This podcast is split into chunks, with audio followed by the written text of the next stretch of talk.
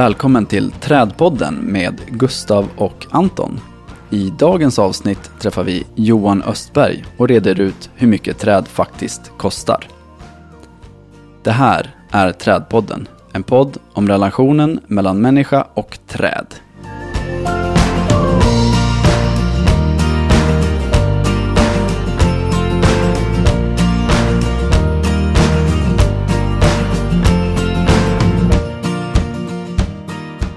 Hej Anton! Hallå Gustav, tjena. Välkommen tillbaka i etern. Ja, tack, tack, tack detsamma får jag säga. Idag sitter vi på olika platser igen. Ja. Det är, ingen bil, förhoppningsvis- det är inga bilar inblandade idag, det är skönt. Nej, precis. Det kan vara att det är en tv som brusar i bakgrunden här, men annars är det rätt tyst. Ja, Och vi har ju vår nya utrustning också. ja, det är riktigt kul.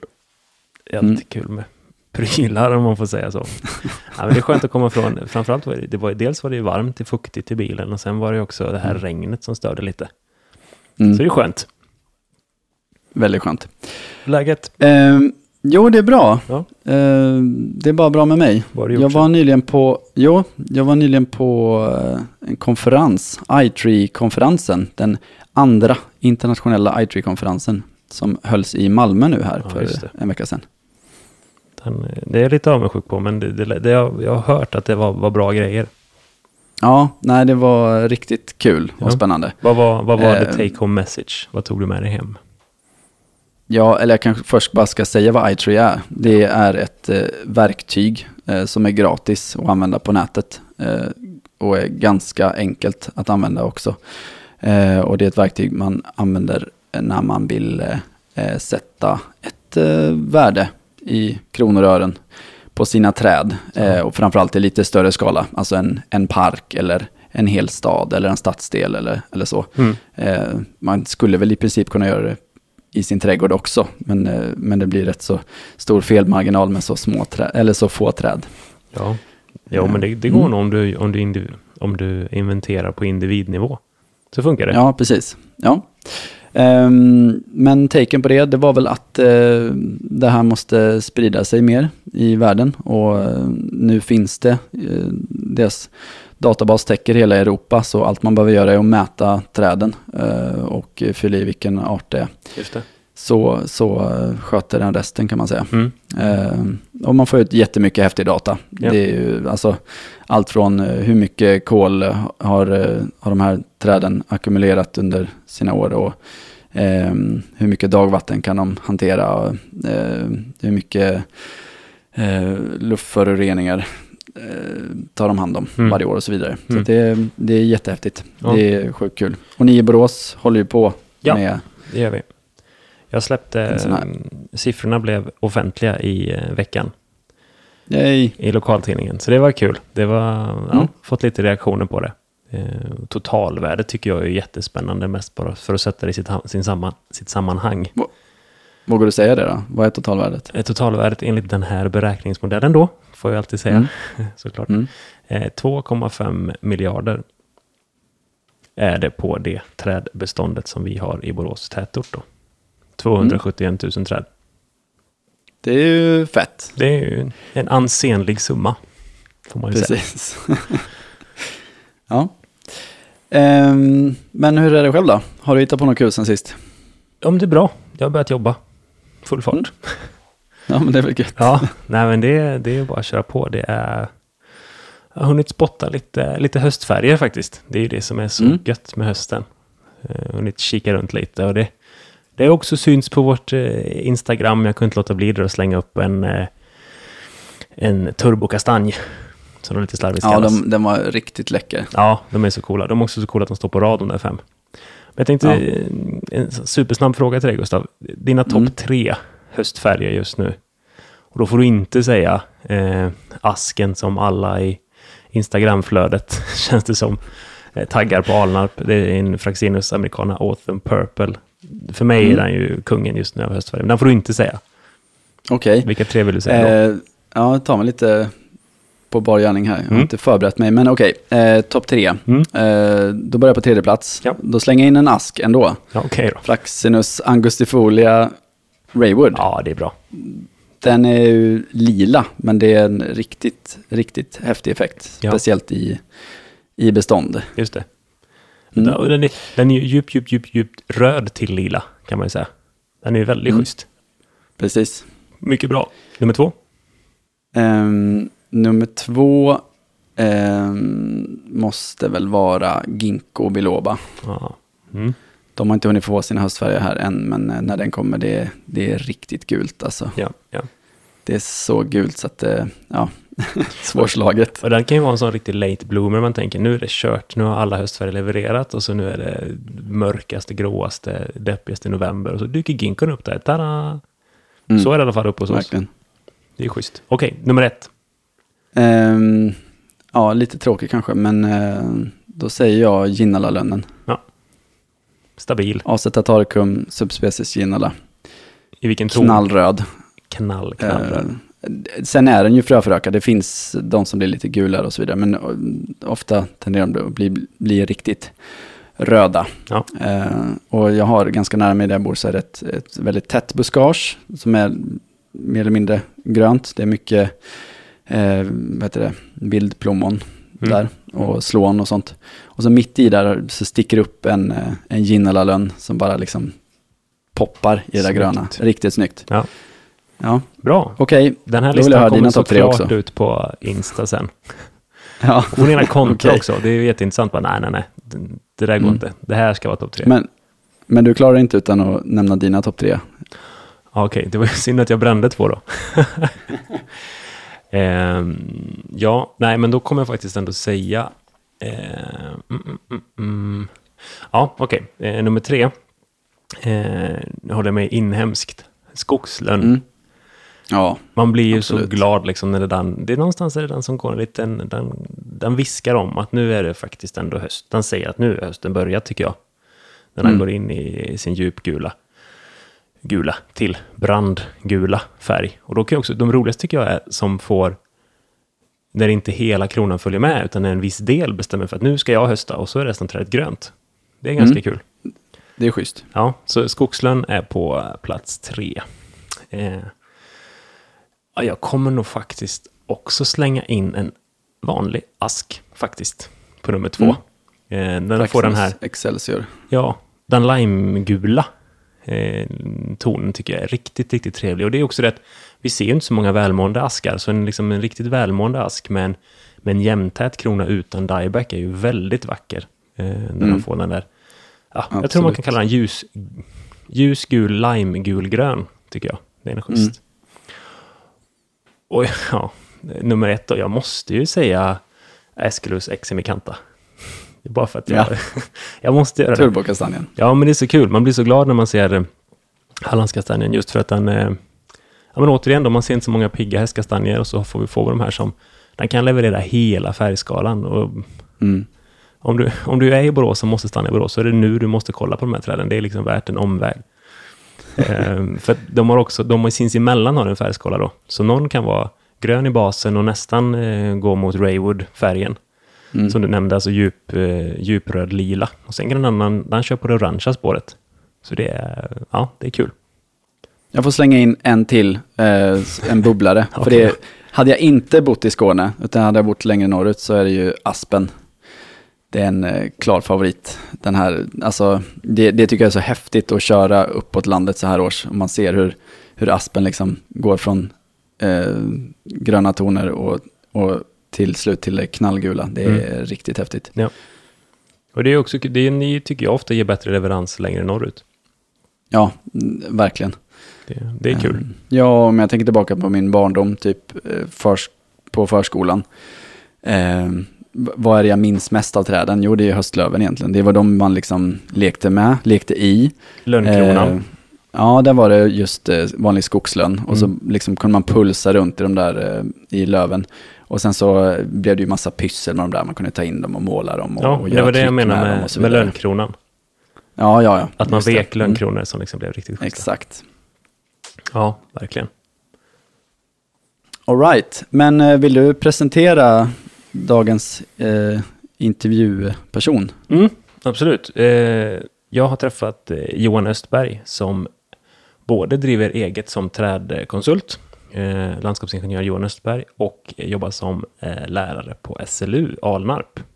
Mm. Så varsågod, här kommer intervjun med Johan Östberg om vad ett träd är värt.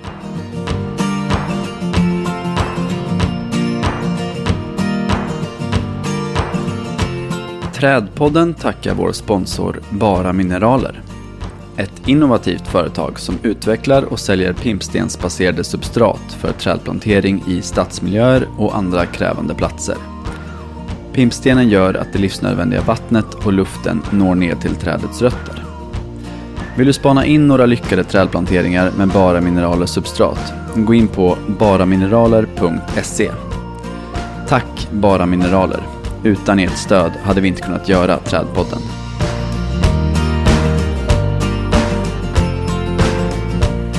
Trädpoddens höstsäsong drar igång. Eh, och jag sitter här hemma hos eh, Johan Östberg i Sofielund i Malmö. Kul att få komma hem. Tack så mycket. Ja. Ja, kul att ha dig här. Ja, tack så mycket. Eh, Johan, du är ju docent på institutionen för landskapsarkitektur, planering och förvaltning vid SLU. Stämmer det? Och du är, eh, liksom jag, utbildad landskapsingenjör. Ja. Sen körde du på i det akademiska spåret lite mer. Lite oväntat. Ja. Ja, så du har en magister i teknologi och en doktorsexamen inom landskapsplanering. Stämmer bra det. Jag scrollade igenom lite när jag läste på inför det här och eh, jag reagerade lite med en ganska rolig grej. Jag skulle kalla det också för att du är skrivbordsarborist. ja, men det tycker jag faktiskt kan vara en bra beskrivning av mig. Ja, ja vad, vad innebär det? Ja, det är ju du som har hittat på den termen. Ja, jo, men, eh, men alltså, jag är ju aldrig praktiskt eh, utförare utan jag är ju den som gör bedömningar utav träd eh, och producerar själva rapporterna. Och Vissa kan nog se det som en svaghet. Ja, men du är aldrig uppe i träden, du gör aldrig beskärning, hur ska du kunna veta någonting? Men samtidigt så kommer jag ju in och är så, så neutral som möjligt. Jag ska ju aldrig tjäna någonting på att rekommendera den ena eller den andra åtgärden. Nej. Eh, och jag lägger också mycket tid på att eh, prata med arborister, umgås med arborister. Jag är alltid intresserad utav feedbacken också. Eh, så det är många gånger som jag har telefonsamtal med personer som sen ska utföra saker som jag har rekommenderat och där vi för ett resonemang. Hade jag rätt? Hade jag inte rätt? Vad skulle du ha gjort istället? Just det. Eh, Så, så jag ser väl det som en, en välbehövlig nisch. Att alla kan inte vara praktiker och uppe och arbeta i, fysiskt i träden. Nej. Utan vi behöver de som ibland står och funderar lite också. Känner, eh, känner branschen till det här att det finns? Jag ser det som att vi, vi har en, en process som är igång. Eh, vi fick ju igång arboristyrket på riktigt, det var väl 80-90-talet, någonting sånt. Men det har väl verkligen kommit igång tidigt 2000-tal och nu, nu känner väl nästan alla till ordet eller termen arborist. Även privatpersoner, jag är ute och gör en bedömning utav ett träd så är det åh du är arborist. Eh, Så det verkar verkligen ha spridit sig. Men sen är det ju så att arboristyrket är ganska fysiskt krävande. För vissa funkar det att arbeta när man är 50 och 60 år, men inte alla. Eh, Utan de här som då började jobba som arborister på eh, 80-talet, 90-talet, allt eftersom så börjar de också komma upp i åren och då vill man ju mer och mer jobba som konsulterande arborist. Just det. Eh, det kanske inte är superlockande att alltid vara uppe i det här trädet i januari, februari när snålblåsten är som värst. Eh, Så det ser jag absolut ett behov utav och ett, en, en nisch också. Ja. ja. Du sa där precis i inledningen att förvånande nog sa du att det blev en akademisk Ja. karriär. Ja, alltså eh, anledningen att jag kom in överhuvudtaget inom den här branschen det var att jag började från början studera vid Lunds universitet, eh, någonting som heter samhällsgeografi. Ja. Och jag tyckte det här var ju alldeles för akademiskt och tråkigt. Eh, och det var ju ingenting praktiskt överhuvudtaget. Vad, vad, ska, vad, vad ska jag göra egentligen? Eh, och då började jag söka runt lite och sen hittade jag någonting som hette landskapsingenjör. Jag hade hört talas om det och det var vid, vid Sveriges lantbruksuniversitet. Och jag hade alltid tänkt att ja, men, det där med trädgård och grönt, det är ju bara en hobby. Ingen kan ju jobba med det egentligen. Utan jag är absolut att jag varit trädgårdsintresserad, men, ja, men det får jag göra på fritiden. Ehm, men, men sen när jag började plugga där så var det, men det här var ju ganska intressant och det här var ganska kul. Eh, och sen så blev det ren slump egentligen att jag kom in i det akademiska. För jag tänkte att när jag var klar, ja men då ska jag ut och jobba i en kommun eller konsultföretag eller någonting sånt. Men eh, sen helt, helt plötsligt så behövde Örjan Ståhl hjälp i ett forskningsprojekt med att inventera träd. Och ja men då inventerade jag ju de där träden. Ja.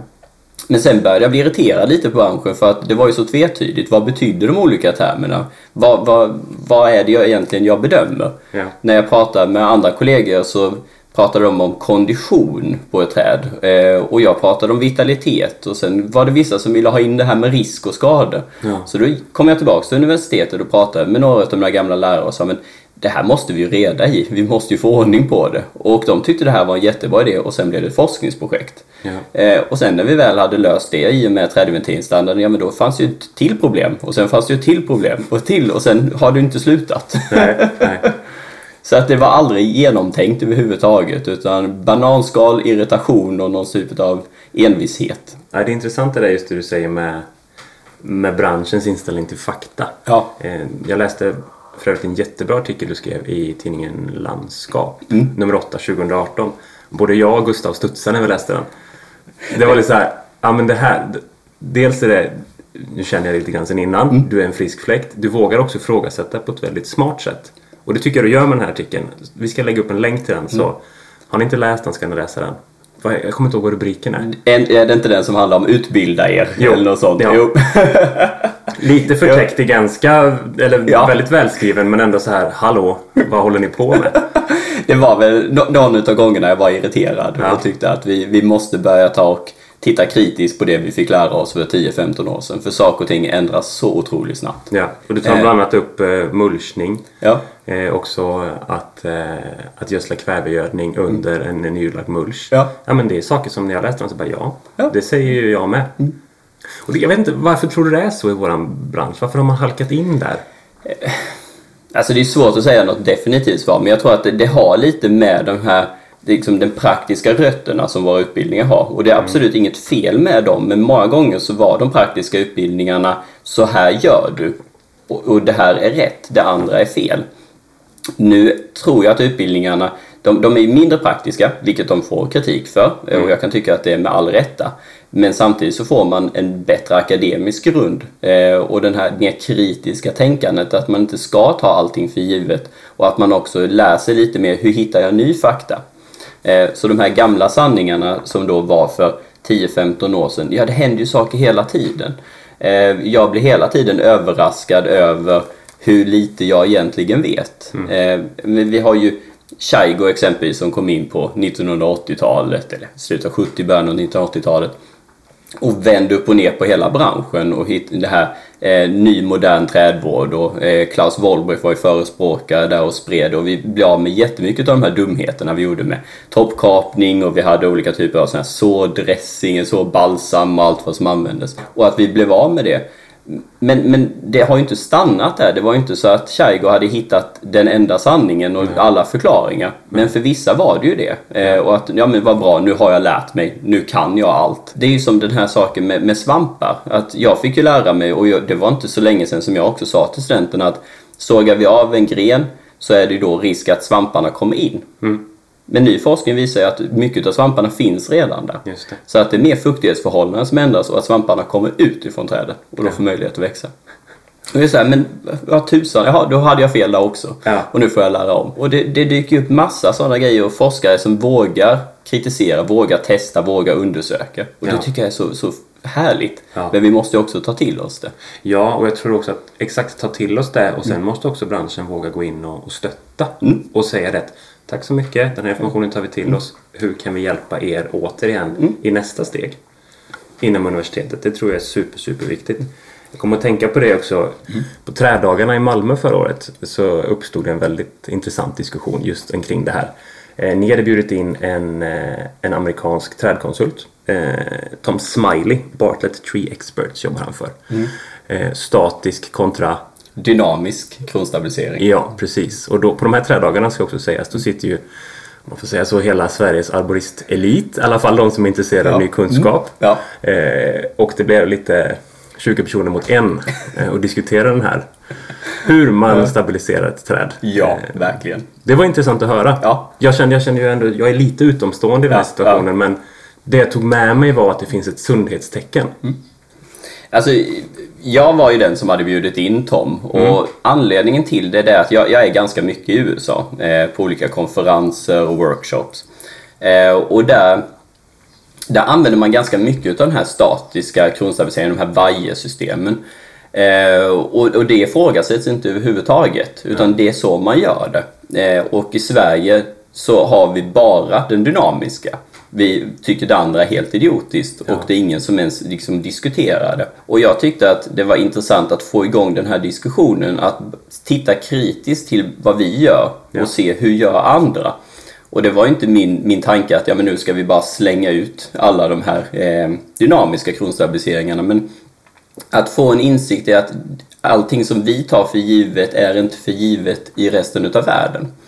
Eh, och det blev en ganska intressant diskussion, mer diskussion än vad jag hade, hade förväntat mig får jag lov att säga. Eh, och jag kan ju hålla med i någon av de här kommentarerna som var sen efteråt att det hade varit kul om vi kunde haft en panel eller någonting och diskuterat det här ämnet.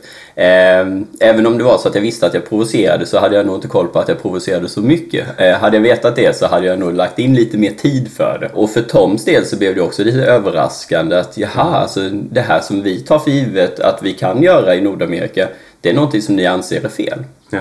Eh, Men det visar ju också på att det är en bransch där det händer mycket eh, och där vi går i olika riktningar och att vi behöver ha kontakt. Eh, Och jag, jag har svårt att se det som att det ena är alltid rätt, det andra är alltid fel. Utan vi behöver se lite vad är för och nackdelarna med det, eh, med alla metoder som vi har. Tom känner inte så att du gillar en fälla för dem nu då? Så det är inte så att du... Han förlät mig ganska snabbt. Ja, han, han tyckte skönt. nog det var lite spännande, även om jag nog skulle ha förvarnat honom lite mer än vad jag gjorde. Så där, där, Ja. det har jag fått ta till mig. Ja, och redan där just blev det också tydligt i och med att då du satt som ordförande i Svenska trädföreningen, Ja. som vi kommer komma in på sen vad det är. Ehm, Så, så blev det synligt för mig, eh, din inställning till just det här att vi måste våga utmana, det tycker jag är super, super bra. ja. Så det är superkul att höra. Då ska ni absolut inte missa nästa träddag kan jag säga, för då kommer det vara ännu mer provocerande. Okej. Ja, då har vi en föreläsning som bara handlar om att eh, spräcka myterna. Ah, Ja. när, vilket, vilket datum? Eh, det är den eh, 6 till 7 november Ja. i Växjö. Ja, Ja. perfekt. Eh, och den föreläsning som jag tror nog kommer provocera en hel del, eh, det är utav Linda Sharker Scott som driver en blogg som bara handlar om att eh, eh, ta väck myterna. Jag re- reagerar också över lite, du verkar ha så himla många olika anställningsformer. och så kollar man så här, Johan Östberg på Instagram bara, ja, matbilder i Asien.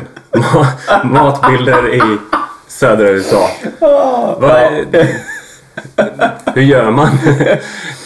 Eh, ja, jag, jag tror nog att många av de som följer mig på Instagram är ganska besvikna men kanske hittar de ett matintresse istället. Eh, så det här visar väl min, min balans, Ja. får vi väl se det som. Ja. Att det finns något annat än träd också i mitt liv. Ja, sundhetstecken. Ja, vi får väl se det som Ja. det. Ja, eh, även om det då borde vara lite mer träd där, det håller jag med om. Ja.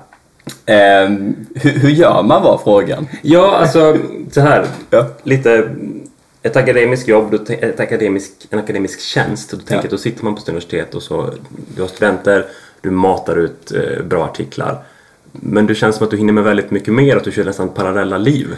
Ja men, ja, men det, det kan jag nog hålla med om och det var väl den här det här att det inte var genomtänkt att jag skulle bli akademiker och den har ju synts ganska mycket i vad jag har gjort och varför jag har gjort det. Jag gick aldrig in i akademin för att jag ville bli akademiker. Att åh vad bra, nu kan jag skriva en vetenskaplig artikel och hoppas många citerar den. Det, det, det var nästan irriterande och nästan stötande, provocerande för mig när jag sitter och pratar med kollegor som säger att det här är ett bra ämne för många kommer att referera till det. Eh, för min fråga var alltid, vad gör det för branschen? Ja. Kommer det här hjälpa branschen? Eh, och det, det blev ju faktiskt så att jag bytte handledare under min eh, tid som doktorand just för att vi hade olika syn på detta. Och Jag säger inte att det ena är rätt och det andra är fel utan vi hade helt olika syn på hur vi skulle arbeta. Eh, Så att hela tiden när det gäller det akademiska så är det vad kan detta användas till? Eh, Och redan när jag var doktorand så startade jag mitt eget företag också eh, och har haft det parallellt för att jag vill liksom testa grejerna också. Det är en sak att hitta en smart lösning som funkar akademiskt. Det är en helt annan sak att applicera den praktiskt inom industrin eller inom branschen. Som det har varit så blev det att efter att jag disputerade så gick jag ner till halvtid. Så jag jobbade bara halvtid på universitetet och halvtid med mitt konsultföretag just för att få den här dynamiken. Och det, jag tycker det har varit jättebra för att båda, båda delarna har varit stöttande. Eh, universitetet har varit en fantastisk arbetsgivare under den tiden och är fortfarande att jag får hålla på med detta, jag får konsultera. Eh, har jag mycket konsultuppdrag kan jag faktiskt minska min anställning och det tycker jag är en otrolig lyx. Och branschen har också accepterat mig mer och mer tror jag. Från början så var det ganska stor skepsis, det här akademiken som tror att den kan någonting inom branschen. Men jag har ju försökt vara lyhörd och jag erkänner att jag inte kan saker och ting. Eh, och jag lyssnar och jag lär och allt eftersom så får jag ju en större och större kunskap kring hur det faktiskt funkar ute i kommunerna. Ja. Och en kommentar som jag ofta har fått, eh, mer och mer sällan numera, men det är ju det här med att nu ska jag berätta för dig hur det funkar i verkligheten. Eh, så här är verkligheten. Men det jag märker är ju att ju fler jag pratar med, ju flera olika verkligheter stöter jag på. Mm. En verklighet är en verklighet på en plats. Ja. Men det är en helt annan sak på en annan plats. Så det blir snarare, nu ska du berätta om verkligheten i Borås, eller Göteborg, eller Malmö eller Umeå. Men det skiljer sig åt mellan de här. Ja, och det handlar också om en verklighet som han har accepterat. Ja, absolut. Tanken att vi träffas här idag eh, handlar ju egentligen om att vi ska prata vad ett träd kostar. Mm. Eh, och här kan man ju verkligen, vi skulle kunna ha åtta avsnitt om vad ett träd kostar. Så är det. Men det vi vill prata om här och det vi vill ringa in eh, det är ju egentligen vad kostar ett träd som står på sin plats, som har nått sin, sin fulla habitus, mm. som är rumsbildande. Det är egentligen det trädet vi ska prata om. Mm. Vi ska inte prata om eh, äppleträdet på A2-stammen i plantskolan. Det är ett annat avsnitt. Mm. Och just den här inventeringsstandarden som ni har tagit fram då, eh, som heter Alnarpsmodellen, eh, tycker jag är väldigt intressant. Hur, hur började det arbetet? Så trädinventeringsstandarden det var ju den här irritationen egentligen som jag pratade om från början. Och, eh, om man går lite djupare i det så var det ju så att Örjan Ståhl han drev ett eh, forskningsprojekt kring det här med trädrötter i VA-ledningar. Så mm. att han har fått flera kommuner och VA-förvaltare att gå med och stötta detta. Eh, och som en del av projektet så skulle jag också inventera träd. Eh, och när jag väl var klar med detta så ganska, ganska direkt efter det så föll ett träd i Malmö och nära på krossade en stackars kvinna som satt på en parkbänk. Eh, och jag hade precis varit i Malmö och inventerat träd just för det här forskningsprojektet. Så det var väl lite så här smått desperation. Vi behöver hitta någon som kollar på våra träd för att här är det inte säkert. Eller det, det är någonting som är fel. Eh, och jag hade ju inte egentligen jobbat mycket med det här med risk och sånt så det blev ju en inlärningsprocess där också att faktiskt förstå termerna, läsa in mig på det, eh, gå kurser och sånt. Men det är väl då jag också upptäckte det här med att vi, vi hade så olika sätt att se på det och det var en av mina kollegor som sa det att ja, men ett träd i gatumiljö kan aldrig ha god vitalitet för det kommer kanske bli skadat i framtiden. Så då var det så här, ska jag också se i framtiden och den här konditionstermen ja som Malmö hade använt som var en sammanvägning mellan vitalitet, risk och skador. Den sa ju inte någonting egentligen då om det var så att trädet riskerade att skada någon eller inte utan det kunde lika väl vara så att ja, trädet var i dålig vitalitet. Alltså mm. att den, den hade inte så bra livskraft. Mm. Eh, och efter det så blev det ju det här att nu behöver vi faktiskt reda i detta, vi behöver en standard. Och det var då jag gick till universitetet och fick den här finansieringen. Eh, och där jobbade jag mycket med partnerskap också. Att jobba med kommuner. För igen det här med att jag, jag kunde inte allting, eller jag kan fortfarande inte allting. Eh, och där jobbade vi med, jag tror det var tio olika eh, branschaktörer som var inne och kommenterade och diskuterade och till sist godkände det här dokumentet också. Mm. När var den här eh, olyckan i Malmö? Eh, någon gång 2006, 2007. Ja. Eh, nu var det faktiskt ingen olycka, får vi kalla det någon slags tillbud för ja. att hon, hon klarade sig oskadd. Ja. Eh, en oj, inte en, en aj. precis, en oj, inte en aj. Det var en bra term. Ja, ja okej. Okay, ja. Därför jag tänker också lite just eh, ett litet sidospår, mm. men det var ju någonstans där, tänker jag mig, som Malmös mm. trädvårdsarbete verkligen tog fart. Deras stora inventering som togs upp igen. Det fanns ju ett underlag sedan innan har jag förstått.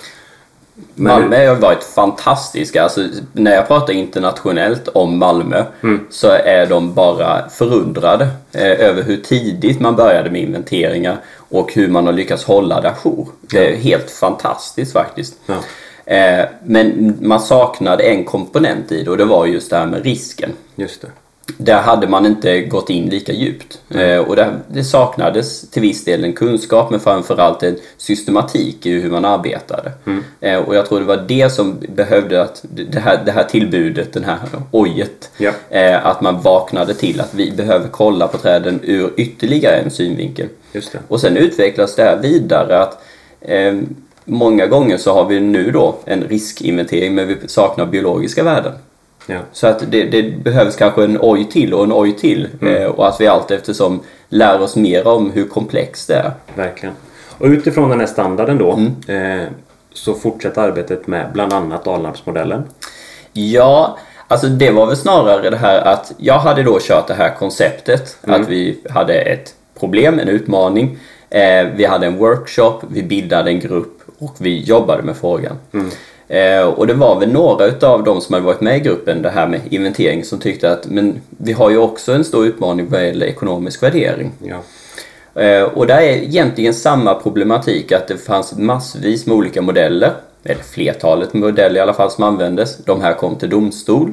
Men sen så blev ju domsluten ganska olika och det berodde ju till viss del också på modellerna. Så sa de att kan vi inte komma överens om en modell? Och de gick till, eh, det var också då Göran Nilsson på Movium och sa att det här är någonting vi vill att någon ska jobba med. Och Göran kom till mig och frågade om jag var intresserad och jag sa absolut inte, det här verkar jättetråkigt. Eh, vem är intresserad av ekonomisk värdering av träd? Eh, men Göran körde ändå på eh, och anordnade en workshop och det var ett jätteintresse. Och tjatade på mig att men du kan väl i alla fall komma till workshopen. Så jag, lite motvilligt så kom jag väl dit i alla fall. Eh, tyckte fortfarande det här var jättetråkigt. Men, men sen då under workshopen och när man träffade de här personerna och började få en, en djupare förståelse för hur viktigt det här egentligen är.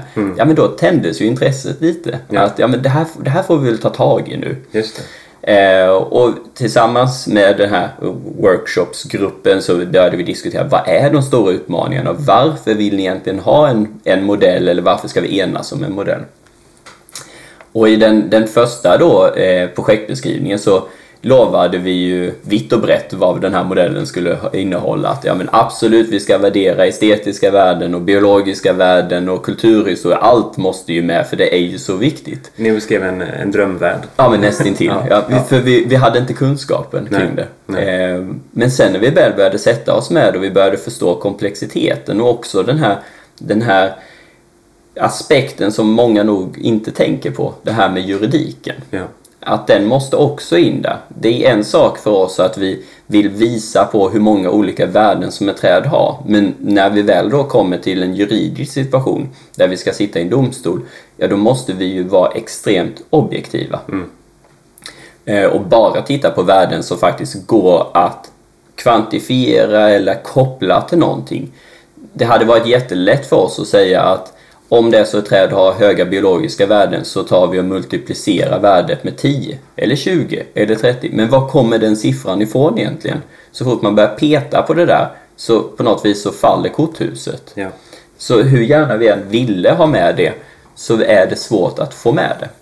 Eh, och jag kommer ihåg en föreläsning jag hade för eh, länsstyrelserna eh, och då var det hon som hade bjudit in mig sa att ja men nu ska du veta att de har laddat med ruttna tomater här för de är riktigt sura för varför har du inte med de biologiska värdena? Ja.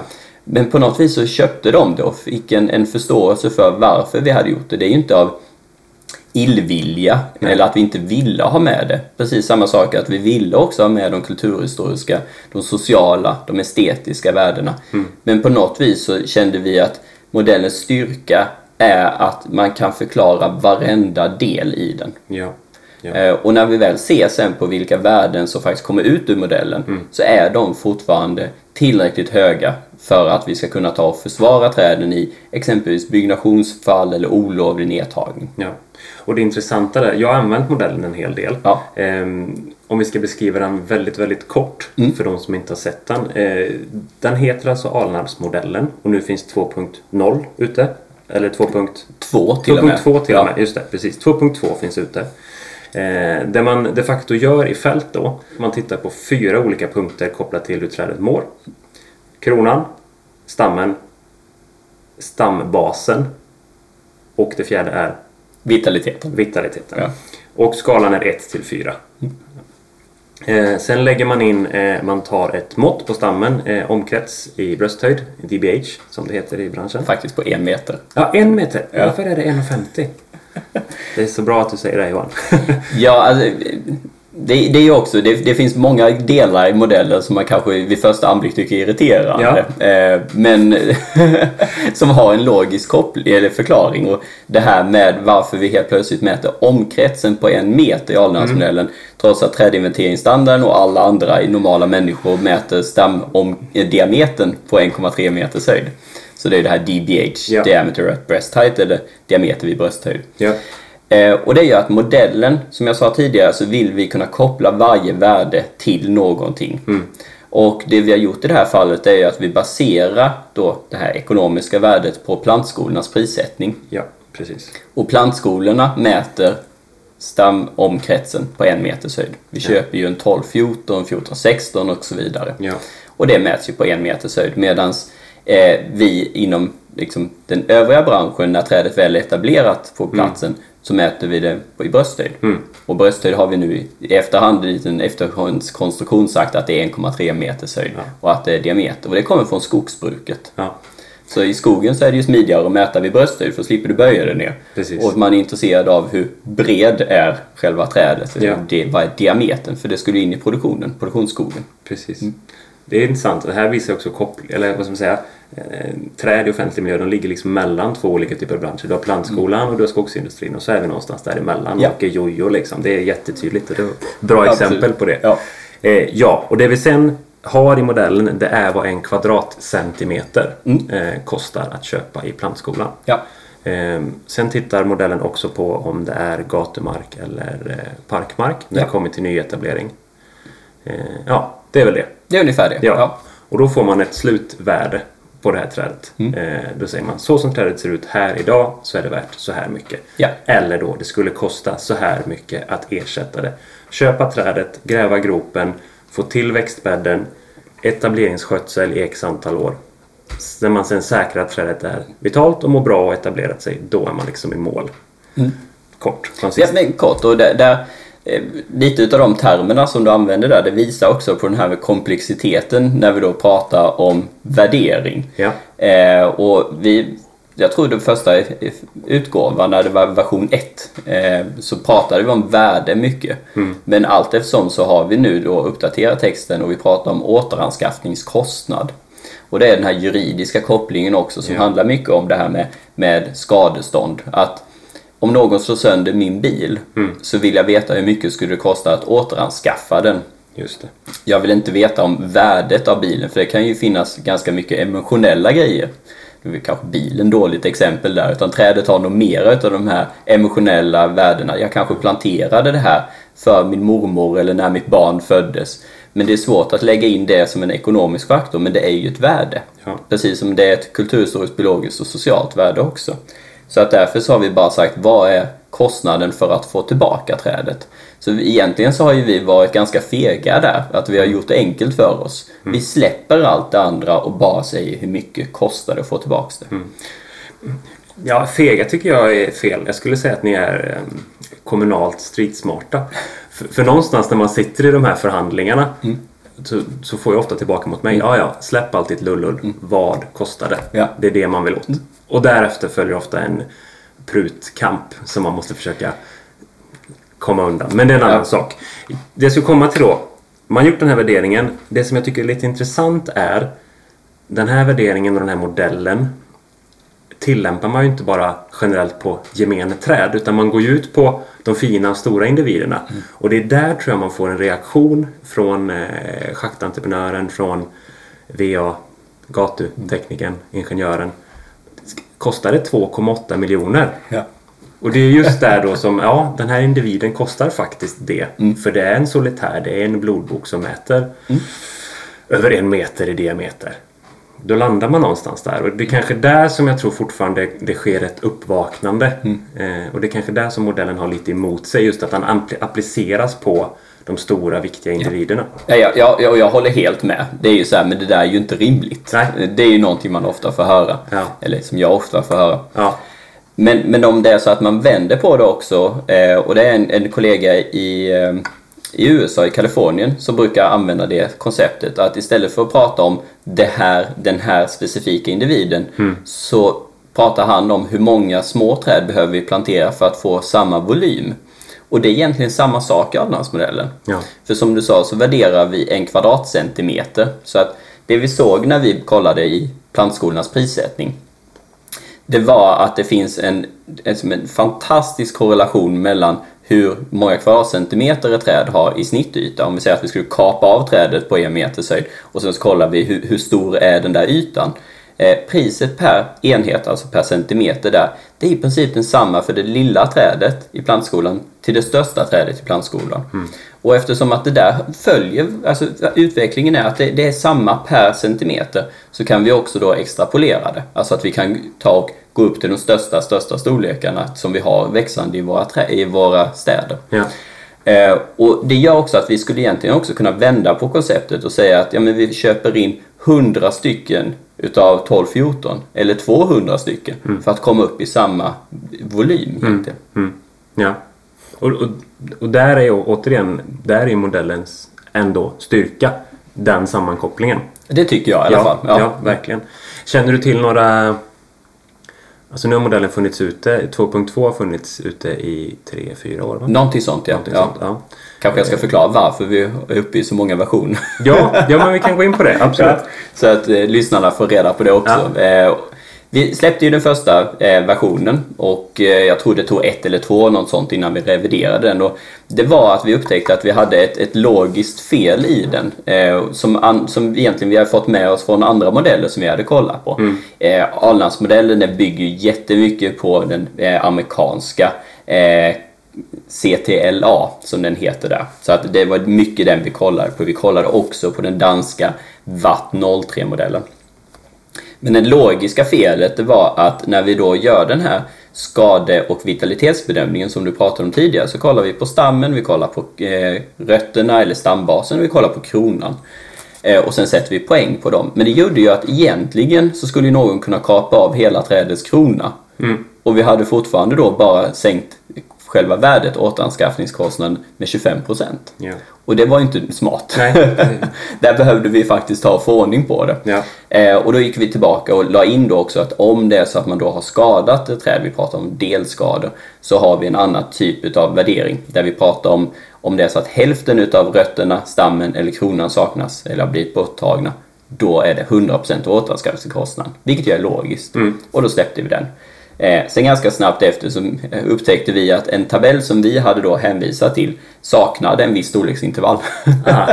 eh, så att jag, jag skyller ifrån mig, men vi skulle ju såklart ha upptäckt det från början. Och då släppte vi ganska snabbt version eh, 2.1. Just det. Och den senaste nu, 2.2, den kom ju efter HDs dom. Så Högsta domstolen de hade ett fall ifrån slutet av 1800-talet och ett fall i början utav 1900-talet och det var egentligen allt de hade. Och sen så äntligen då för runt en tre år sedan så kom HD då med ett nytt avgörande. Och det gjorde ju att vi var tvungna att bemöta det och då släppte vi en ny version och vi la till en ny bilaga också. När du är inne på det, vad, blev utfallet i HDs dom? en kalldusch för branschen får vi väl säga. Eh, vi, det vi har sett var att vi successivt hade fått högre och högre skadestånd, alltså, eller vi, jo, skadestånd eller viten. Eh, så att det kändes som att nu är vi på gång. Eh, ja men det var en ek i Umeå, ja, men det var runt en 200 000 och det var ett annat fall, ja men det var också någonstans runt en 200-300 000 per träd. Då känner vi nu, nu börjar man ta oss seriöst. Vad kul! Och sen när då Högsta domstolen äntligen då bestämmer sig för att ta upp ett fall, i det här fallet utanför Gotland, några tallar som hade blivit olovligt nedtagna. Eh, så kände vi att vad kul, nu får vi reda på vad gäller egentligen. Men när jag väl läste domen så, så blev det verkligen den här kallduschen istället för att komma upp i de där eh, hundratusentals kronorna som jag hade hoppats på och också att få förtydligande hur vi ska göra olika typer av bedömningar. Så blev ju utfallet någonstans runt en 10 000 per träd för de här tallarna som var mycket stora och fina. Och vindpinade dessutom.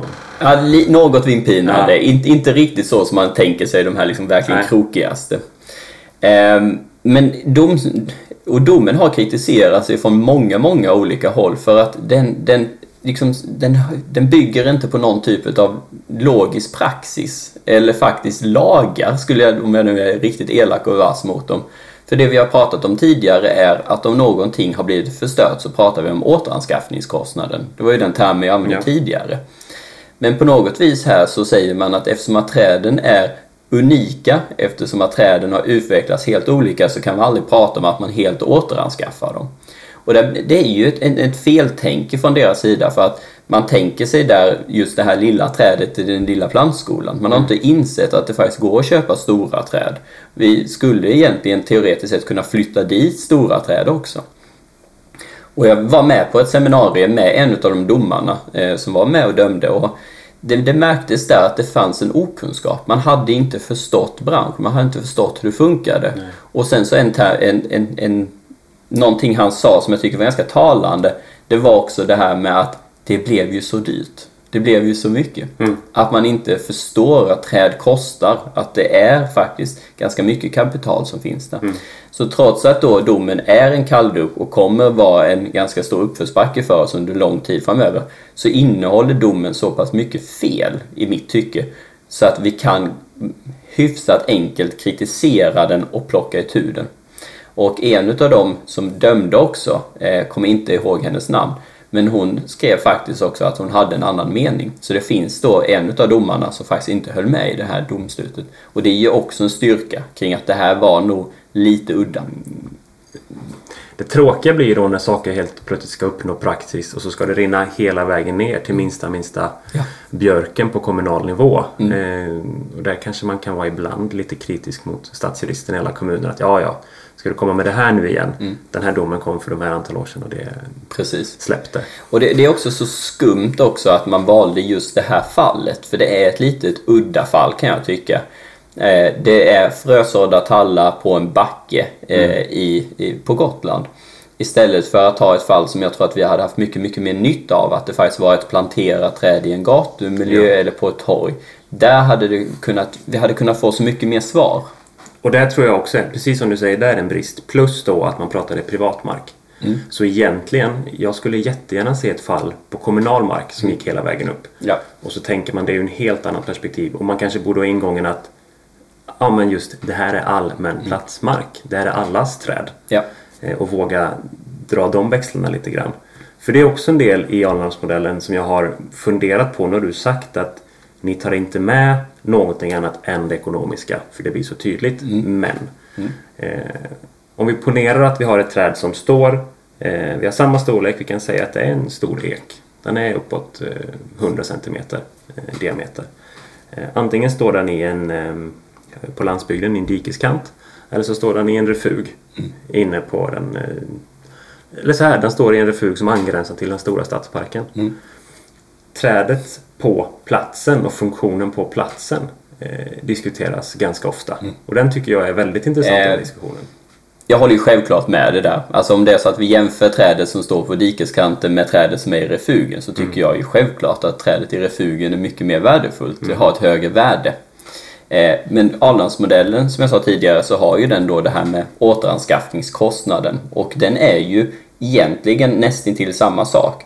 Eh, Det är lite dyrare i refugen såklart med avspärrningar och sånt, men det tar vi med i och med att vi pratar om det så att det är parkmark eh, eller om det är så att det är gatumark. Jag tror faktiskt den senaste versionen så pratar vi inte om parkmark utan att det är inte gatumiljö. Det är så vi friskriver oss lite. Ja. Sen är det ju självklart så vad är det Arlandsmodellen att vi heller då inte jobbar med produktionsskog. Så är trädet planterat för produktionsskog, det finns modeller för det. det är, där lägger vi oss inte i. Nej. Men egentligen då är ju återanskaffningskostnaden samma sak. Och när vi då pratar om olika typer av juridiska processer och vi är mot domstolen så kommer man ju kunna säga att ja, men så här mycket skulle det kosta att plantera tillbaks den. Men sen behöver vi ytterligare argument för att säga varför vi ska Ja. få detta. Ja. Och vi borde ju få de här pengarna eller den här återanskaffningskostnaden för att.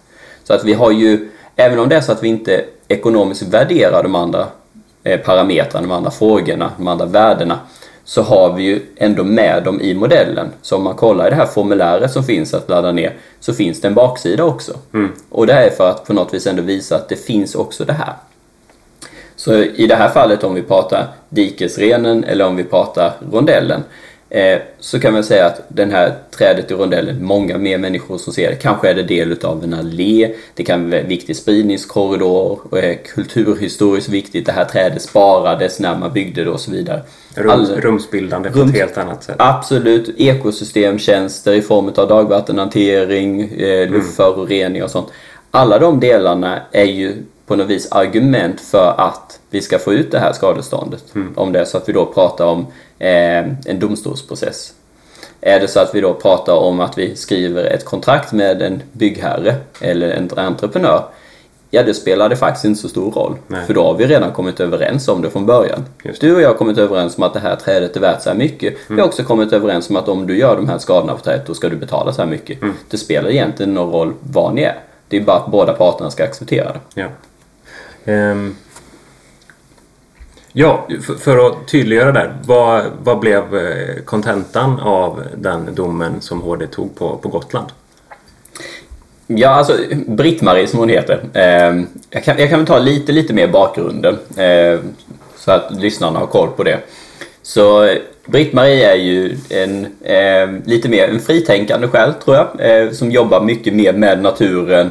Det är mycket naturlig tomt. Det är eh, olika typer utav rum och så vidare. Eh, fantastiskt spännande fastighet. Och det står i ganska stor kontrast mot hennes granne som bor precis ovanför henne, för det är en sluttning upp.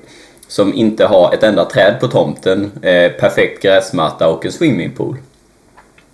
Eh, och den här grannen hade nog beklagat sig lite över Britt-Maries tomt. Att ja, men hur kan man ha någonting som ser ut så här? Och det är vildvuxet och så vidare. Och det är stora träd som skuggar in och det ramlar kottar. Ja, vi har nog alla hört talas om de där klagomålen. Känns som en typisk eh, Infinity gräsmattsägare. Ja, men precis så. Precis så. Eh, under en fest eh, så hade en av hans gäster beslutade sig för att hjälpa då eh, sin värd eh, och gick ut eh, och var ganska berusad och tog en fogsvans och sågade ner fyra, nej tre träd och sen så det tredje trädet föll mot det fjärde så att det också knäcktes. Eh, Så han höll ju på ganska länge och eh, enligt utsagor så hade han också ganska mycket blåsor på händerna eftersom att han ju faktiskt hade använt en fogsvans. Eh, Han har också varit på ett fjärde träd också så man kunde se då att det faktiskt var skador. Eh, och det gjordes en ekonomisk värdering utav detta eh, och både tingsrätten och hovrätten kom ju fram till någonstans då runt en kvarts miljon eller så. Och sen när det då kom upp till Högsta domstolen så någonstans då runt en eh, 30-40 tusen fick man. Eh, och det här är ju lite problematiskt. Nu, nu blir det verkligen en liksom, nörderi vad gäller juridik. Eh, men ni, ni får ta det helt enkelt, så ett djupt andetag. Eh, om det är så att eh, Gustav nu har sågat ner mina träd och jag tar och stämmer Gustav och då säger jag att ja, men det här, jag vill ha en miljon för det. Men sen får jag inte den här miljonen.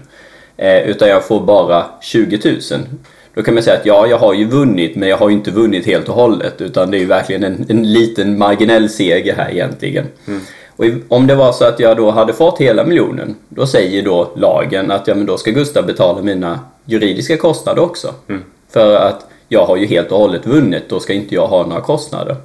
Men i de här fallen när man bara kan prata om en liten delseger eller en liten seger så betyder det att ja, Gustav ska ju betala mig såklart ju, men vi står för våra egna rättegångskostnader. Så att Gustav står för sina kostnader, jag står för mina kostnader.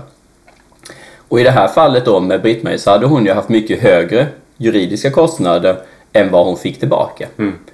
Så det gör ju, och det är det som är så galet i det här fallet, att hon faktiskt har förlorat pengar på att då hennes träd sågades ner. Eftersom att hennes jurist eller advokat ville ha mycket mer pengar än vad hon fick ut. Ja, det är... Det är, en sån, det är en sån fadd bismak på det här så det är, ja, det är deppigt både, både för den ja, människan i sig Ja. och även för branschen i stort. Absolut. Och och jag är ju en stark förespråkare för att vi ska nå förlikningar. Och svenska domstolsväsendet bygger också mycket på det här med förlikningar. Vi ska inte i onödan slösa på, eh, på juristernas, advokaternas, samhällets kostnader. Och man har också då förlikningsförhandlingar strax innan.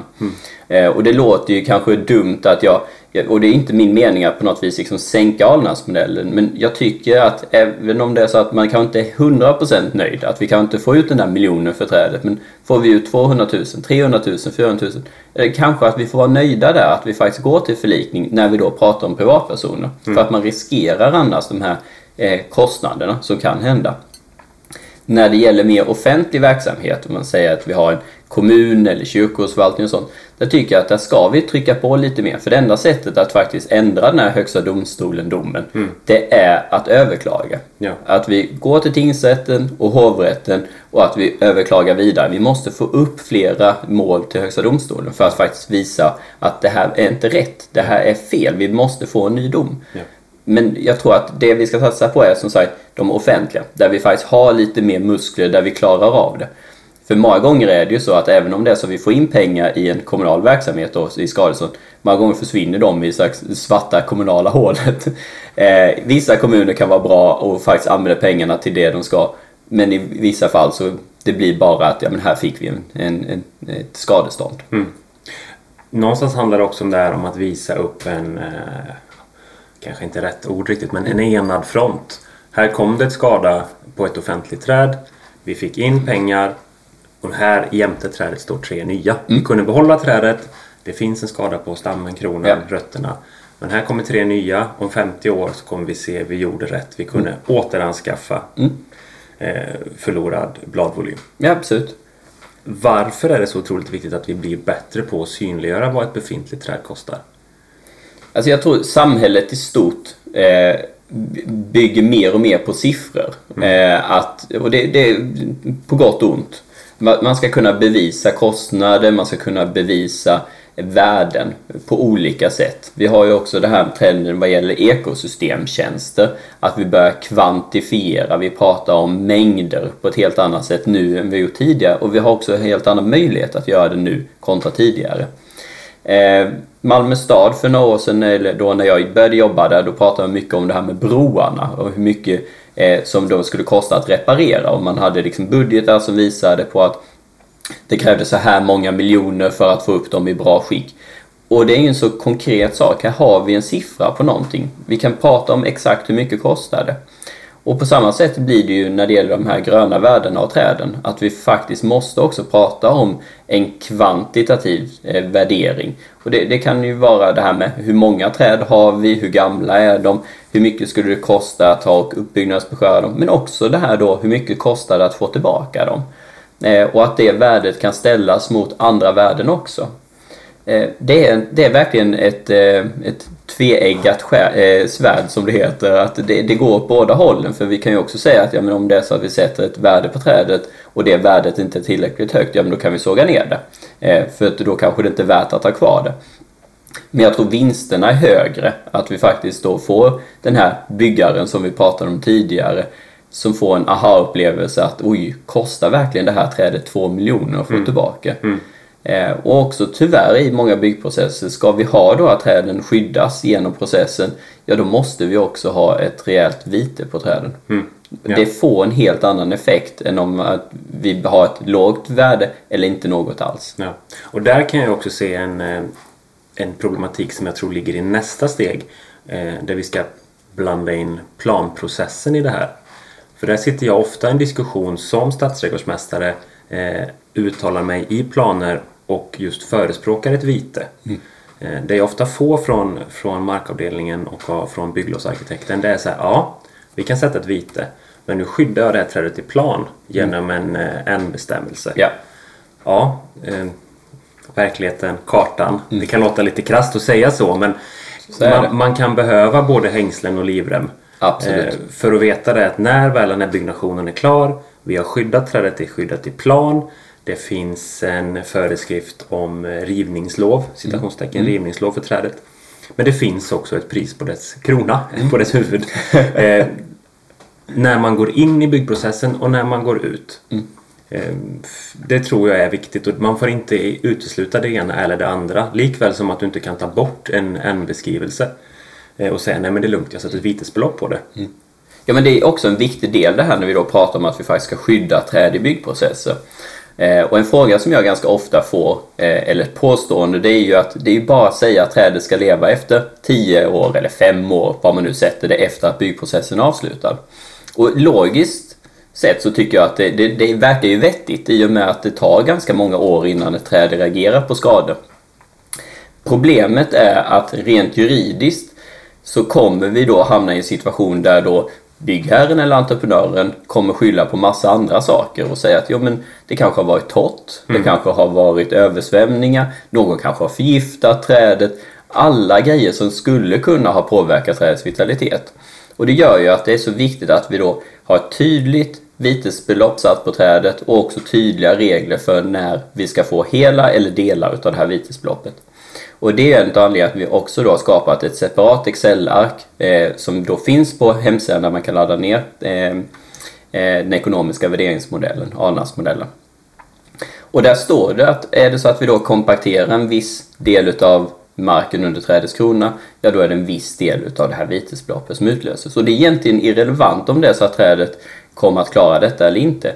Det viktiga är ju här att vi då har säkrat upp så att vi ser till så att trädet skyddas. Just det. Och, och det är ju också någonting som jag tycker att vi ska också ha med oss att egentligen om vi då pratar om att vi sätter ekonomiska värden eller viten på träd. Det är ju inte för att vi vill ha pengarna utan det är för att vi vill att trädet ska skyddas. Det här är ett nödvändigt ont. Det är ett redskap som vi måste använda för att faktiskt se till att det skyddas. Tyvärr är det så att är det så att vi inte har det ja då kommer det bli ett upplag under trädets kronor. Det kommer bli en, en infartsväg eller byggboda och så vidare. För det är så ont om plats i våra städer. Ja. Alnarpsmodellen är, som du säger, det har varit jätteskönt att inte behöva ha den. Mm, absolut. Och att alla Ja. förstod trädens utrymme. Mm. Eh, Men det där verktyget behöver vi ha för att vi har trånga städer. Mm. Eh, Min reflektion, i och med att jag jobbar praktiskt med Alnarpsmodellen, Mm. jag upplever att den är bäst i ett förebyggande syfte. Att komma i efterhand, eh, titta på en eh, ja, bortsågad krona Mm. eller någonting. Där blir det alltid en möjlighet för den som vi är lite upprörda på Mm. att ifrågasätta kunskapen. Men har man synliggjort kostnaderna först, det är där jag tror att kommuner kommer tjäna mest. Ja. Alltså tjäna mest menar jag rädda flest träd. Det finns också jättebra exempel på hur man har jobbat kreativt ute i kommunerna med Alnarpsmodellen. Eh, Ett exempel det är då en trädförvaltare som har tagit kort på träd ute i olika miljöer i den kommunen, i den staden. Och sen så skrivit att så här mycket är det här trädet värt enligt Alnarpsmodellen, eller återanskaffningskostnaden. Skulle ni stå och grava en gren som är så här stor, då blir vitesbeloppet så här mycket. Och har till och med bilder då på hur, liksom ett mått på den här grenen. Och det skickas med då till entreprenörerna. Så jag Väldigt tycker det bra. är jättesmart för att igen, vi vill inte ha pengarna. Vi Nej. vill att entreprenörerna och byggarna ska förstå hur mycket det kostar. Mm. Så att man faktiskt skyddar träden. Ja. Och det är ju alltifrån då det här med en, en skötselentreprenad till ett helt stort byggprojekt. Vi ska förstå hur mycket det kostar så att vi då faktiskt håller avstånden och skyddar träden. Om vi släpper Alnarpsmodellen lite grann. Eh, eh, vi nämnde tidigt i intervjun Svenska trädföreningen. Eh, vad är det? Ja, Svenska trädföreningen är en relativt gammal förening, eh, närmar sig snart faktiskt 30-årsjubileum, eh, Eh, som är en branschorganisation för personer som arbetar med eller är intresserade av träd. Så att den är egentligen öppen för alla. Eh, vi har väl sagt då från föreningens sida att privatpersoner är kanske inte målgruppen för att vi är fortfarande mycket branschspecifika, att det är mycket trädnörderi. Eh, men jag tycker en stor styrka i det är att den är öppen för alla. Så vi har ju eh, då representation från mycket kommuner, arborister, kyrkogårdsförvaltningar, bostadsföretag, olika typer av myndigheter inklusive universitet. Så att det är en spännande, kul mötesplats. Eh, Nära 700 medlemmar nu. Eh, Vad, vad, kan, vad kan trädföreningen tillföra i Sverige? Finns det någon lucka man har kunnat fylla? Ja, det tycker jag verkligen, att faktiskt driva på det här. Vi har ju pratat om min, mina standarder, eller mina och mina, men standarderna som jag har varit med och tagit fram. Eh, alla de standarderna har Svenska Trädföreningen varit med och finansierat. Inte helt, men delvis. Eh, så att Trädföreningen är ju verkligen en aktör som kan driva på och hjälpa och stötta forskningen. Men det finns också en annan typ av standard, det här med SIS-standarder, så att Svenska eh, institutet för standardisering, där man har först då tagit fram en eh, terminologilista, det är fruktansvärt nördigt. Eh, men det är egentligen samma problem som jag hade när det gäller trädinventeringar. Ja. Vad betyder orden? Ja. Eh, så att där finns då definitionen utav 200 ord. Har du svårt att sova så kan du läsa dem A till Ö. Eh, men i upphandlingar och sånt, att när du skriver i en upphandling, jag vill ha en uppbyggnadsbeskärning, jag vill ha en avlastningsbeskärning. Vad betyder det egentligen? Ja, här har vi faktiskt en definition. Och nästa steg som vi håller på just nu med att jobba med är att göra en beskärningsstandard. Så att vi använder oss av de här standardiserade termerna för att sen också säga hur ska du göra. Så förhoppningsvis ska den vara klar under nästa år. Och det är Svenska Träföreningen som har drivit på den. Det är också det här att anordna konferenser, vi var inne på det tidigare, de här möjligheterna till kunskapsutbytet. Vi ställer den här frågan till alla vi intervjuar. Eh, om man ska lägga lite pengar och resa någonstans eh, för att titta på träd. Var, var tycker du man ska åka då? Jag skulle nog vända på det lite eh, och säga snarare hur ska man tänka när man reser någonstans för att kunna få se häftiga saker. Ja. Eh, och det som jag tycker är så spännande och kul inom vår bransch det är att vi är så välkomnande. Och det, det ska jag säga gäller internationellt. Även om det är så att du inte känner någon i den staden du ska resa till. Kolla vem som är trädansvarig. Kolla på vilka som jobbar på kommunen eller en parkförvaltning och kontakta dem. Många gånger så är de helt fantastiska människor som ställer upp och visar runt och berättar om saker. Så det kanske inte är så att du förväntar dig att hitta någonting häftigt när du är i en viss stad, men du kan upptäcka jättemycket. Så det du säger då med resa, du menar egentligen på att är man i en stad av en anledning, kolla upp vad som finns i trädväg istället för att planera resan för att titta på träd? Ja, absolut. Ja, ja. Det är så du tänker när du är iväg? Liksom. Mycket, ja. Mycket. Eh, Så att är jag ändå på en plats, varför inte när jag har tid kontakta någon? Man pratar väldigt, det är väldigt lätt när man pratar om träd eh, att prata om en art, en sort, en Ja. individ. Eh, har du något favoritträd idag? Jag har egentligen inte det, men Nej. när jag får frågan ifrån andra media Mm. så säger jag alltid tulpanträdet. För det var väl det som jag tyckte var häftigast och mer spännande när jag började studera. Ja. För ja, men det var bladformen, det var blommorna och allting sånt. Men jag kan inte säga att jag har liksom en speciell art eller sort, utan jag tycker det är, det är variationen som är spännande. Eh, Jag blir ofta anklagad för att vara en lindhatare. Jag Eh, med! men, men, men det handlar nog snarare om att jag tycker att vi har så mycket av det och att vi behöver mer variation. Än att jag ogillar arten eller sorten. Jag är lite osams med våran skogsmästare. Ja. Kommer, han, ja. han är upprörd över att jag inte gillar lind. Ja. Men jag håller med. Alltså, mä- mängden är ju oerhört stor i väldigt många svenska städer. Vi har för mycket lind. Ja. Ja. Vilket träd var det senaste du planterade? Och varför?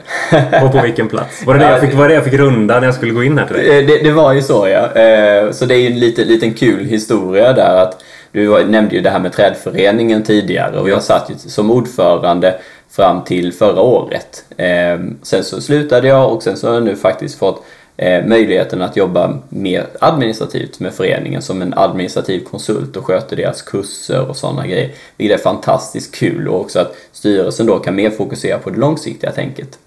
Men som då tack eh, för mina år som ordförande så gav styrelsen mig en stor ginkgo, en ginkgo blue batit, så att den är lite mer pelarformig. Eh, Och den här tog de och tog fram mitt på scenen under trädagarna som vi hade i Malmö i november. Och det var ett jätteträd, för det var den, eh, den minsta sorten, eh, den minsta storleken som plantskolan hade. Så den är väl en 4-5 meter hög. eh, Så att jag var ju i chock kan jag säga och det är en ganska läcker bild på mig när jag då står under trädet och de här gula bladen singlar ner lite. Så att, otroligt tacksam men lite chockad också för att jag skulle ju också få in det här trädet på min, i min trädgård. Just och jag det. fick ju konstatera att det här, det går nog inte utan jag fick helt sonika gräva upp lite på min framsida så att nu står det ett fantastiskt träd på framsidan. Ja. ja, det är jätte, jättevackert och det kommer ju skänka hela gaturummet jättemycket glädje. Absolut. Det, Det, ja. Många kommentarer från grannarna och tycker det är häftigt och också just den här storleken så det blev ju bra även om jag var i, i chock när jag fick det. Ja. Ja, du, du sumpade en jättefin rönnsumack till förmån för ginkgon. Så är det. Ja. Eh, den, den, den var, jag brukar säga den var lite väl social för den var både i grannens och i min källare och eh, Ah. i beläggningen också. Så även om den var fantastisk så den, den hade nog fått, fått ge vika ändå. Ja. Vi har fått en Väldigt bra lyssnarfråga. Ehm, Den går också lite i ton med, med tiden och, och det vi har pratat om här. Att säg att man har en, eh, man har en trädgård och man vill bidra positivt till att hindra klimatförändringen. Ehm, Vilket träd ska man då plantera? Jag och Gustav har diskuterat det lite fram och tillbaks. Eh, Ja, vi vände och vred på det, men vad, vad skulle du säga? Ja, alltså det, det är ju inte en lätt fråga, Nej. även om det är så att jag, jag förstår frågeställaren. Ja, ja. Och, och det, det är ju lite det här med vad är det i klimatförändringen som vi vill lösa? Är det Ja. så att vi då vill lösa, eller lösa, men bidra till att minska mängden koldioxid? Ja, men då vill vi ha träd som på så snabbt sätt som möjligt tar och får in koldioxid. Så snabbväxande träd. Men sen behöver vi också tänka på vad gör vi med veden sen? Är det så att vi då låter det här trädet bara multna? Ja, då kommer vi frigöra det, även om vi självklart gynnar den biologiska mångfalden. Eh, Kan vi då använda det till att ersätta fossilt bränsle? Ja, det är ju fantastiskt bra. Eh, Nu är det väl inte så många som har oljepannor längre, men om man tänkte att ja, men då tar jag elda med det här istället, ja men då har vi ju faktiskt löst det. Så att även om vi då frigör det igen så hindrar vi nya utsläpp. Men mycket av det kan jag tycka när vi då väljer träd, det är vad är det för utmaning som är klimatrelaterad som man har på just den specifika platsen? Eh, är det då att vi har eh, luftföroreningar? Eh, är det att vi har problem med dagvattenhantering? Är det skugga, att vi är varmare? Man kan ju också kolla på en sådan utmaning och försöka lösa den lite lokalt där. Är det så att vi då lyckas skugga lite av kommunens asfalt så är ju det jättebra och få ner temperaturen i alla fall på den platsen. Ja. Eller att vi hindrar att dagvattnet åker ner till VA-systemet. Eh, och då därmed bidrar också till att minska riskerna för olika typer av översvämningar. Mm.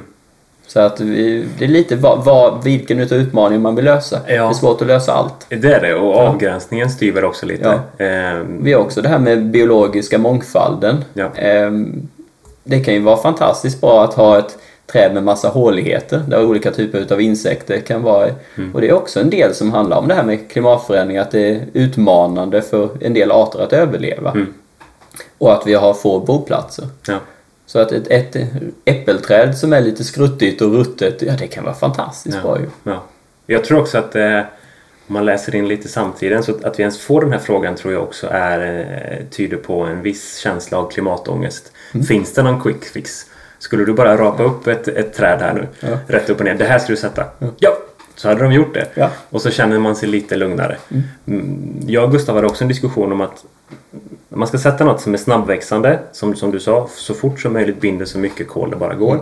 Eh, när det har nått sin, sin fulla storlek eh, för arten, gärna snabbt då, så ska du hugga ner det och gräva ner det i din trädgård. och så får man upprepa den här cykeln. Precis, Så ja. du kanske har fem sådana här träd som liksom överlappar varandra. Ja. Ja, nej men eh, Ja, bra och och- intressant svar. Ja, och är det så att vi pratar om luftföroreningar så är det ju generellt sett att vi behöver ha barrväxterna. Just det. För de har ju kvar barren även på vintern Ja. och då kan det liksom ackumulera där. Ja. Men det är ju helt och hållet det här med vilken. Det är svårt med ett, ett rakt svar från en akademiker. Ja, ja. Vi får be lyssnaren komplettera med en bild på trädgården. Ja, men det kanske, Det ja. kanske är så att det står ett gammalt träd, behåll trädet och så har de liksom löst det. Ja, visst. Ja. Ja.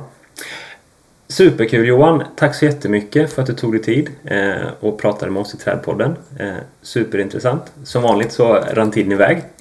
Bra samtal. Ehm, ja, nej, jag tackar så mycket. Tack själv, jättekul.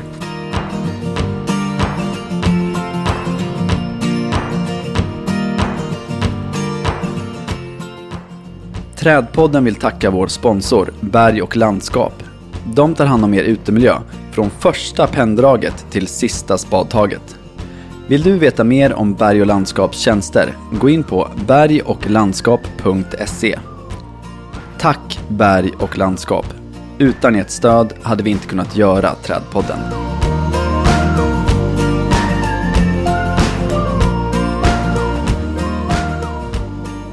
Wow, Anton. Mm. Det, Nu, ja, vårat, ska vi säga det? Vi har, vi har ett mål om att alla avsnitt ska vara en timma. Det är kört. Mm. Det är kört med den här, tyvärr. Ja. Och, och kill your darlings i all ära, men här det är det riktigt svårt. Ja, nej, men det, vi, hade, vi hade mycket gött snack. Svårt att stoppa Johan. Mm, verkligen. Eh, jag måste ändå säga något, något som liksom ni inte tog upp och vi tog inte upp det innan heller. Men alltså, för de som inte känner Johan så är det ju kanske en av Sveriges mest inflytelserika trädpersoner. Ja. Eller den mest inflytelserika skulle jag nä nästan vilja säga. Mm, ja, ja men. Off, Eh, off, inte på off- något sätt att hans ord är lag, men att eh, han får saker att hända. Ja, absolut. Absolut. Och off the record, bara för att stärka hans även då ganska breda kunskapsnivå, eh, så snackar vi om hur många träd han inventerar per år. Han ligger på Mm. plus minus, men cirka 10 000 träd hinner man inventera. Det är liksom- respekt. Ja, det är häftigt. Det är riktigt coolt. Off the record i eten. I eten, så sorry. Ja, jättebra. Ja. Men alltså, jag tyckte den här eh, ja, högsta domstolen, eh, rättegången, det är ju, ja, det blir riktigt spännande där. Mm. Ehm, det, det får vi, vi får göra det någon gång. Gå till en, en sån här eh, rättegång och spela in och så gör vi det. Trädrättegången, en sån podd. Ja, det finns väl någon annan sån podd om rättegångar man kan slå ihop sig med va? Ja, precis. Ja. Nej, men det är riktigt eh, snöpligt och tråkigt att höra hur det gick just i det fallet. Men det är också hoppfullt att höra att de, alltså Svenska trädföreningen och Johan Östberg ger ju inte upp. Det här vill de ju, liksom, de kommer ju fortsätta Ja. med detta Ja, och arbete. det, ja, och det deppiga är också att eh, när en sån här dom då går hela vägen så blir den också periodiserande. Mm. Vilket innebär att jag har råkat ut för diskussioner om betydligt mindre, eh, mindre träd och en, alltså mer, färre träd till ett mindre Mm. värde. Ja, men Högsta domstolen sa ju det här. Mm. Och så försöker man på det sättet då döda diskussionen. Mm. Så det är inte bra. Ja, nej, det är den domen och sen så har vi ju eh, Lantmäteriet som har sin mätmetod som känns väldigt förlegad. Ja, Eh, Ja. Där har jag hamnat i, i, eh, ja, i konflikt någon Mm. gång eh, per telefon med någon som har ringt därifrån och, och undrat eh, vad ett träd är värt och så vidare. mm. Eh, och då svarar jag vad de kostar i, i en liten storlek och då säger Ja. han bra. De planterade den storleken för eh, 70 år sedan. Då får de tre gånger det värdet. Ja nej, det är ju, det är om något det är provocerande faktiskt.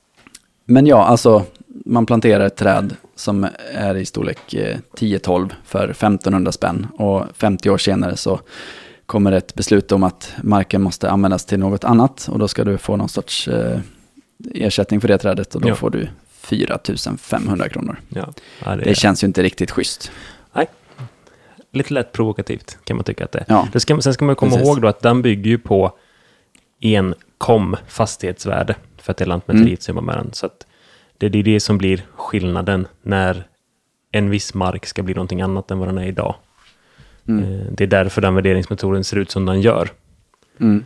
Till dess försvar, får man väl säga. Men eh, det blir ju fel om man använder den i skadeståndsärenden när någon har åsamkat ett ska, en skada på ett träd och sen ska ersätta det igen med ett nytt träd. Då blir det fel. För det är inte det den är till Nej. för. Nej, precis.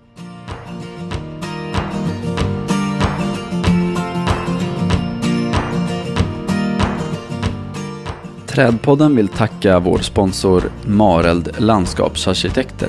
Nordens främsta landskapsarkitektkontor och förstahandsval för kunder med högsta ambition vad gäller gestaltad livsmiljö.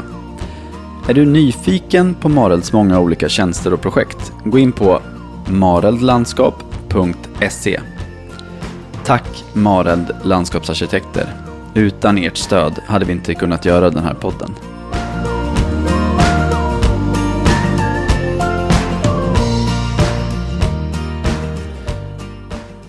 Nej men jag tycker det är också, alltså om vi ska återgå till intervjun så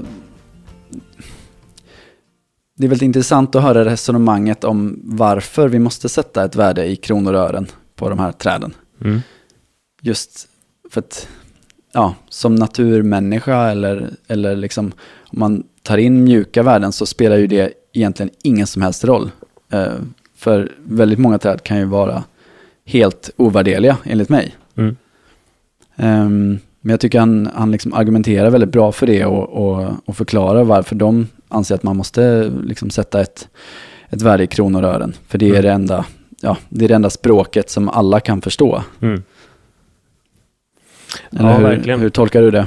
Eh, ja, Eh, det kan jag säga. Det ligger väldigt mycket i det. Eh, men jag har också märkt att det kan vara provocerande. Mm. Vadå, det där, det där ena trädet, eller de där två träden, de där tre träden kan ju inte vara värd så många x antal hundratusen. Det är orimligt. Mm. Jo, men just det, det kom ni in på det, det Ja. ordet. Orimligt. Precis, ja, ja, och då blir det också upp till, så att säga, eller upp till, då är det ofta så att motparten i fallet då sätter sig emot och tycker att nej men det här är knäppt, det kan inte kosta så mycket. Mm. Eh, det finns det ju, jag har diskuterat lite med kollegor om det här och det, då kanske man borde hitta en, ett sätt att istället tala om att ja, men det här enstaka trädet, dess värde innebär att vi ska sätta x antal likadana träd till istället. Så man pratar alltså inte Mm. om summan i mellanläget, utan man pratar istället om ett träd ger sju. Mm. Eller ett träd ger tio. Kanske, för att göra det tydligare. För jag, jag upplever ibland att många fastnar vid summan och så blir det en diskussion kring det. finns också, som jag sa, som jag sa i intervjun, finns också en risk att man hamnar i prutträsket direkt. Det är Jo, inte det det det handlar om. Men eh, Nej. det är också en uppenbar fallgrop. Nej, men sen är det ju också provocerande om man ska bli riktigt filosofisk och gå riktigt djupt i det hela. Så eh, det, det är ju provocerande att man hela tiden ska utgå ifrån människans behov och, och framfart. På något Mm. sätt. Ja, Trädet skiter ju i det. ja. Ja. Naturen skiter ju i det. Att, eh, att vi ska ha en väg eller, eller vad som helst. Ehm, men det, men det, det tror jag vi får spara till ett, ett helt avsnitt egentligen. Men det är Ja, intressant absolut. att tänka på just det här med, eh, som vi hörde i den här podden, eh, myter och mysterier. När Mm. de pratar om att, att eh, det finns ju exempel på där skogar och floder eh, liksom har, eh, har försvarats i rätten. Mm. Eh, ja. De Som får en, en de får en juridisk juridisk person. beskyddare liksom. Eller juridisk person, ja, Ja. precis. Precis. Ehm, men det tror jag vi sparar till ett annat avsnitt. Ja, absolut. Det Mm. går ju verkligen att borra i det. Men du, Gustav, eh, boktips. Har du något på gång där? Ja, och jag, den knyter ju an till den här iTree-konferensen. Ja, okej. Ehm, När du, när du hintar för mig innan här, när vi snackade upp, snackade upp inspelningen, så visade du en bild och var jätteglad. Precis. ja. Ehm, nej, men eh, de som höll i den här konferensen eh, heter Tree Economics. Och eh, kan jag även nämna att det var Johan Östberg som liksom var moderator Mm. och, eh, och anordnade, var med och anordnade den här eh, i Malmö. Um, Tree Economics är ett eh, brittiskt företag som just jobbar för, eh, eller eh, lobbar för att man ska värdera träd eh, Ja. ekonomiskt. Ehm, och då har vi en eh, kille som heter Kenton Rogers som jobbar där. Och han har tillsammans med Tony Kirkham skrivit en bok som heter eh, ja, vad heter den egentligen? Det är en Haynes Manual. Eh, alla ni som eh, gillar gamla bilar och traktorer och sånt eh, vet vad en Haynes Manual är. Det är en, en, liksom ett känt format eh, med sprängskisser och så vidare. Liksom, och, och man ska verkligen kunna sätta sig helt in i hur bilen fungerar. Och dessutom Mm. så är det liksom lite for dummies, vem som helst ska kunna fatta. Okej. Det är enkelt sammanfattat och, och enkelt förklarat. Och då har de gjort en bok som heter Trees, Owners Workshop, förlåt. Och då har de gjort en bok som heter Trees, Owners Workshop Manual. Så som vanligt så tipsar jag om en bok på engelska, tyvärr. Alla Ja, ni ja, som ja. inte läser engelska. Men, ehm, Men det är var väldigt vackra bilder med tanke på det du sa om sprängskissar. Jag tyckte det var Ja, alltså det boken är extremt ful, men det är med flit, för att det är en Haynes Manual, de är fula. Den är illgrön med gula, gul text på framsidan. Den ser verkligen inte lockande ut, men tro mig, den är värd varenda krona. Ehm, för så här skulle jag vilja sammanfatta det. Ehm, om man läser den här boken från perm till perm och lär sig precis allt som står, då kan man nästan lika mycket som du och jag. Okej, quick fix. Ja, men, så lite tunn. så. Så mycket kan vi inte, Gustav. Den är tunn. Nej, men, men, ehm, nej, men det, det, är liksom, det är inte mycket nytt för mig i den här Nej. boken. Nej. Men för nybörjaren så är den helt fantastisk. Och Mm. jag önskar att jag hade haft den här när jag var nybörjare. Ja, jag förstår. Jag förstår. Ehm, sen är det vissa delar som är väldigt brittiska eller liksom de gör på andra sätt än vi. Men det är, det är bagateller. Det är som till exempel hur de eh, monterar trädstöd och sånt som, vi- Mm. som vi inte gör på det sättet i Sverige. Men det tycker Nej. jag är liksom är bagateller i det hela. Det var En- schysst uppslaget du visade för mig eh, som eh, hur man planterar. Det måste vi lägga ut för det var riktigt trevligt. Ja, nej men det är så klockrent bara liksom bild för bild, så här gör du. Du behöver Ja. inte ens läsa texten, du ska bara titta så fattar du. Det är lite så. Ja, Nej, underbar bok. Ehm, vi lägger upp en länk till den här eh, på, på vårt Linktree. Den Ja. går att köpa på svenska bok, e-bokhandlar i alla fall. perfekt. Och Ehm. det, är, en- det, är en, det är en typ av facklitteratur kan man säga, men det är inte mjukpärm va? Nej, Hård, hårdpärm. den är... Ja. Den Facklitteratur, mjukpärm är det värsta som finns. ja, okej. Eh, nej, jag tror jag betalade 240 spänn för den där på konferensen, men den kostar Mm. något, typ 280 eller något sånt. Eh, om man köper den på nätet nu. Snyggt. Alright, det var allt för idag. Ha en fortsatt himla trevlig höst. Eh, vill ni nå oss så finns vi på Trädpodden på Instagram eller tradpodden at gmail.com. Eh, ja, ha det fint. Njut av hösten. Detsamma, vi hörs om två veckor. Hej då! Hallå.